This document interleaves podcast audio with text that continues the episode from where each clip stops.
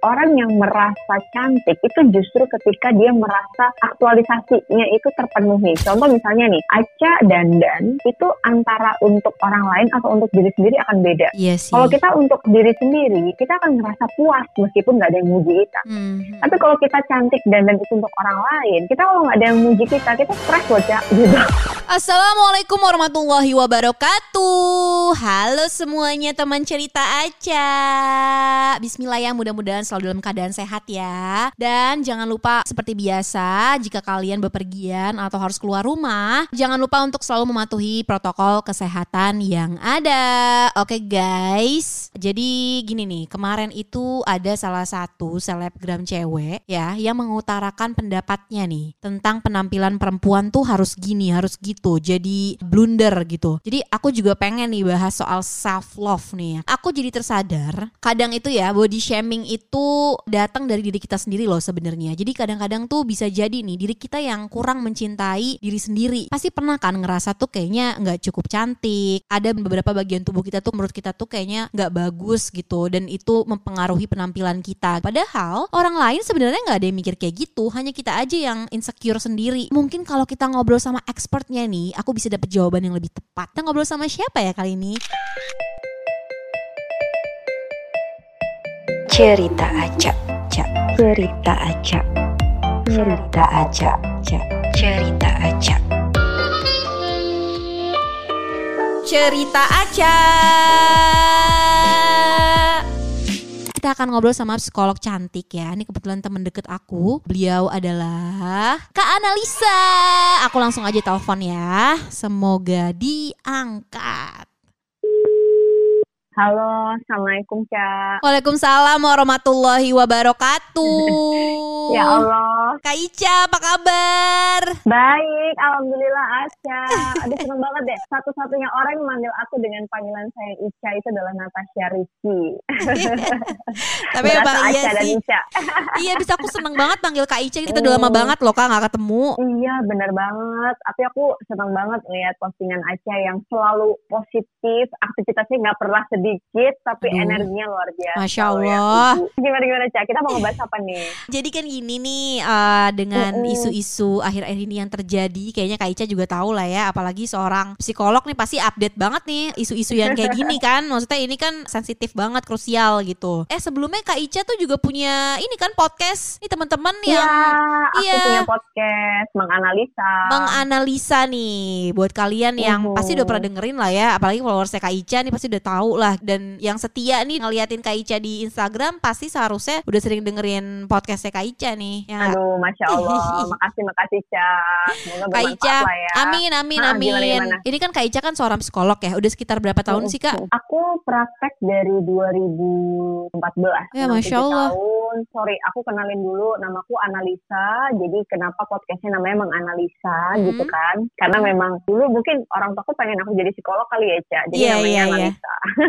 Tapi kan Kak. Ica emang pernah cerita kan, ini namanya Iya. emang kayak udah di set nih sama orang tuanya Kak Iya. Ica. Itu doa ya berarti Heeh, ya. Masya Allah. Kemarin aku praktek di rumah sakit, Mm-mm. cuma memang setahun belakangan aku jarang praktek sih karena emang capek banget ya training konseling atau terapi di ruangan praktek tuh kayak energinya luar biasa. Nah, apalagi pandemi ini kan, jadi aku Mm-mm. semuanya sekarang online. Terus Mm-mm. sebenarnya di tengah pandemi ini tuh justru tingkat kesehatan mental atau masalah terkait kesehatan mental tuh semakin Banyak. tinggi loh, Cak. Karena kan Mm, mm, mm, mm. kita di rumah terus, terus Mm-mm. tiap hari kita media sosial terus, screen time terus. Jadi justru permintaan konseling itu meningkat aja. Iya Nah, sih, makanya benar. aku daripada nggak bisa konseling semua orang, jadi aku bikinlah YouTube, aku bikinlah edukasi lewat Instagram, Iya, bikinlah iya. podcast, IG live gitu-gitu deh, Cak. Jadi Mm, mm, mm. salah satu caranya semoga bisa ngebantu orang biar healing mereka bisa belajar dengan konten-konten yang aku bikin dari Iya. sudut pandang psikologi gitu. Aduh, masya Allah, amin. Dan Kak Ica juga suka bikin webinar ya? Ya,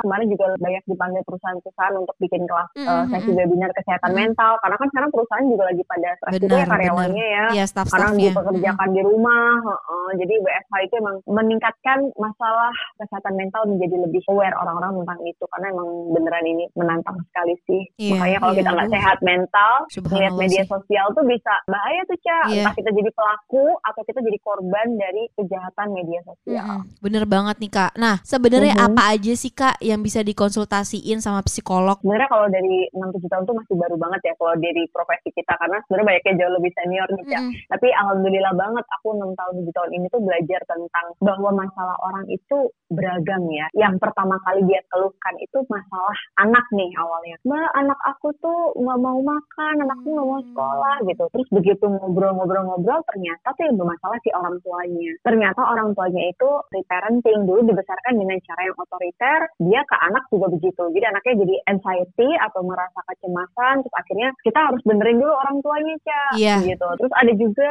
masalah sekarang nih media sosial. Ada yang sampai depresi, sampai benar-benar mengarah pada self harm, menyakiti diri sendiri sampai mau bunuh diri. Itu ada. Uh, Aku punya pasien yang pernah sampai mau bunuh diri tuh ada, Cak. Jadi benar-benar itu pengalaman pertamaku ngadepin orang yang udah beneran kayak mau menyakiti dirinya karena udah nggak punya harapan hidup dan itu remaja-remaja yang memang lahir di tengah masa-masa internet of things ini sih gitu. Iya iya Kak Ica kan tadi yang seperti Kak Ica jelasin bahwa kasus orang kan beragam nih Kak Tapi Mhm, eh, mhm. dengan isu-isu yang terjadi ini terutama di sosial media Kemarin ini kan Mhm. sempat heboh nih eh, ada soal standar Mhm. kecantikan seorang perempuan Itu Iya, iya, dari, betul. dari sisi mana pun ya entah itu dari sisi kecantikannya, penampilannya Atau bahkan dari sisi fisik nih ya kan. Aku tuh jadi nyadar deh Kak Sebenarnya justru diri kita ya diri kita sendiri tuh yang suka jahat sama badan sendiri gitu. Sebenarnya mungkin orang lain nggak melihat sisi itu gitu loh Tapi kitanya aja yang ngerasa kayaknya insecure terus kayak nggak pernah merasa cukup gitu. Nah itu gimana ya kak? Jadi tuh kayak bawaannya tuh ya nggak percaya diri. Iya, iya, aku paham sih. Sekarang tuh kayaknya salah satu modal kita untuk menggunakan media sosial tuh kita harus atau kita butuh, sorry, bukan harus ya. Beda kalau Mm-mm, harus mm-mm. tuh seolah kita mengharuskan diri kita. Tapi kalau kita butuh, kita memang membutuhkan perasaan cukup dan bahagia mencintai diri kita apa adanya itu penting banget Ya, ya. Karena kalau enggak, ini rawan stres loh, rawan depresi. Karena kita ngeliat terus kan kehidupan orang Hmm, lain yang hmm. dulu mungkin nggak pernah kita tahu gitu kan. Jadi kalau kita nggak pernah mensyukuri, nggak pernah mencintai apa yang udah kita punya termasuk tubuh kita gitu ya. Tauku tuh yang ada itu helm standar sih kan nggak ada selalu cantik standar. iya nggak ada Kalau- loh kategori standar kecantikan tuh nggak ada sama kita- sekali Nah kalau kita bicara tentang standar cantik itu sebenarnya yang membuat adalah diri kita sendiri loh. Kalau dia nggak cukup percaya terhadap diri dia dengan baik, Mm-mm. ibaratnya orang lain tidak akan menghargai kita kalau kita tidak menghargai diri kita sendiri Bener. gitu. Value kita tuh akan dibentuk dengan diri kita.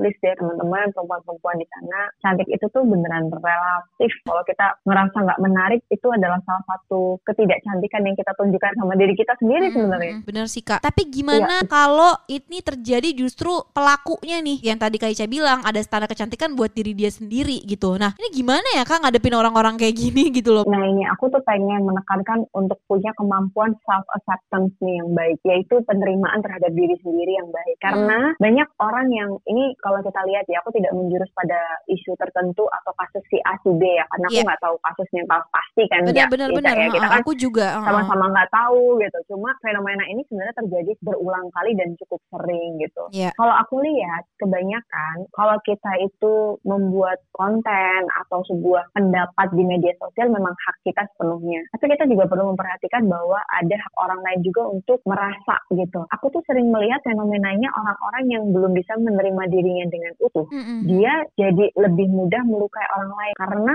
dia masih punya luka yang belum bisa dia terima. Mm-mm, mm-mm. Kalau dia sudah cukup secure, sudah cukup bisa menerima luka-luka yang dia punya di masa lalu, orang itu akan sangat berhati-hati karena dia berbaik hati sama dirinya, maka dia berbaik hati sama orang lain. Kalau kita lihat kebanyakan orang-orang yang mohon maaf ya yang cari sensasi Mhm, eh, mhm. demi sebuah viral, itu sebenarnya adalah sebuah manifestasi dari rasa insecure dia karena Iya. nggak ada sesuatu yang membuat dia merasa bangga. Jadi bener bener kalau kita lihat tentang cantik itu justru artinya adalah tentang self acceptance atau penerimaan diri ini sangat relate sama yang namanya self actualization atau aktualisasi diri. Artinya aku melihat orang yang merasa cantik itu justru ketika dia merasa aktualisasinya itu terpenuhi. Contoh misalnya nih, Aca dandan itu antara untuk orang lain atau untuk diri sendiri akan beda. iya sih Kalau kita untuk diri sendiri, kita akan ngerasa puas meskipun nggak ada yang muji kita. Mhm. Tapi kalau kita cantik dan dan itu untuk orang lain, kita kalau nggak ada yang muji kita, kita stres loh, Cak, gitu. iya iya Jadi, jadi artinya, ah, ah, ah, bener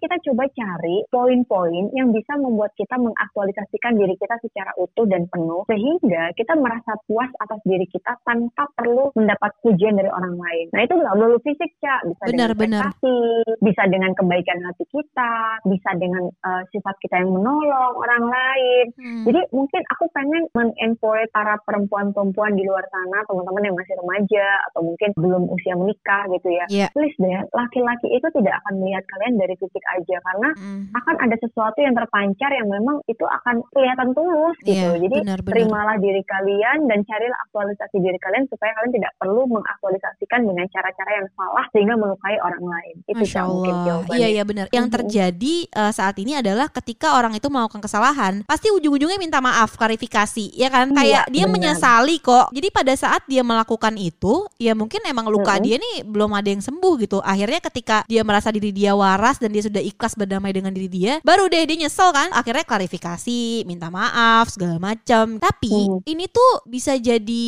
menutup diri juga nggak ya kak buat kita? Maksudnya takutnya nih gara-gara kita terlalu mencintai, apakah akan Mhm. menjadi dampak yang buruk juga nih? ketika kita bicara tentang berbaik hati sama diri sendiri. Jangan Hmm. sampai terjebak dengan sisi gelap kata mencintai dan menerima diri sendiri. Karena sebenarnya secara harfiah nih, Cak, Mm-mm. self compassion atau berbaik hati sama diri sendiri itu ada empat tahap. Oh, Kalau kita masih sekedar mengkasihani diri kita, itu belum bisa berbaik hati. Itu biasanya di level pity namanya. Misalnya nih ya, aku mencoba untuk pity sama Aca. Aca, kasihan banget sih lu ditinggalin. Nah, ketika aku bicara tentang hal yang di atasnya pity, itu ada yang namanya simpati. Itu levelnya lebih tinggi nih, Cak. Kayak gini nih, sabar ya, kamu ditinggalin sama papa. Aku tahu, pasti sedih banget ya Heeh, heeh. aku ngerasa kasihan deh sama kamu. Itu kita simpati, Cak. Kasihan. Kita kesel nggak kalau digituin? Kesel sih. Kesel kan gitu.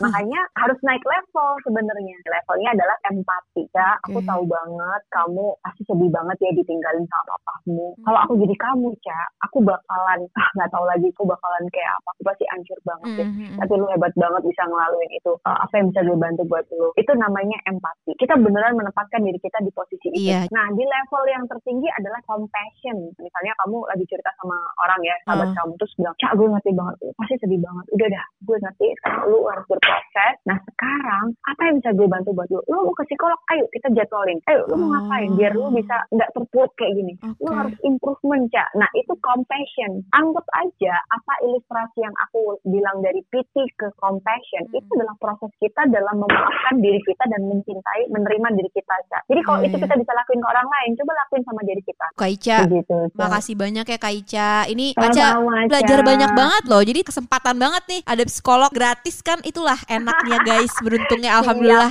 Aku dikasih rezeki sama Allah dapat sahabat yang Karena bisa curhat Aca gratis. juga baik. Aca juga baik. Aduh, masya Allah. Amin, amin. Kak Ica, Iya, makasih banyak. Sehat terus. Sama-sama, salam Ca. buat keluarga, Sukses salam buat anak-anak. Thank you banget, Iya, Kak Ica. Kerucios ya. Iya. Oke. Assalamualaikum. Ya. Waalaikumsalam. Ya guys, aduh seru banget ya nggak berasa emang kalau cewek udah ngobrol nih kayak gini deh, apalagi sama sahabat sendiri kan pasti deh panjang nih. Kesimpulannya adalah penampilan fisik ini emang perlu guys di maintain ya kita nggak bisa bohong ya. Tapi inget juga kalau nggak ada yang sempurna di dunia ini pasti ada kekurangannya dan cantik itu juga nggak ada yang bisa menentukan standar gitu. Nggak berhak nih orang-orang menentukan standar kecantikan. Jadi yang penting terus fokus sama hal-hal yang bikin kamu bahagia karena semuanya akan balik lagi ke mindset masing-masing. Selama kita punya positive vibes, orang lain juga akan ngerasain efek positifnya. Ibarat kupu-kupu yang nggak bisa ngelihat sayap indahnya, tapi orang lain bisa melihat keindahan kupu-kupu itu. Masya Allah. Sama seperti manusia yang suka menganggap dirinya nggak pernah cukup, tapi orang lain beranggapan sebaliknya. Oke guys, kembali lagi nanti di cerita Aca episode selanjutnya. Bye bye. Wassalamualaikum warahmatullahi wabarakatuh. Cerita acak, cak. Cerita acak. Cerita acak.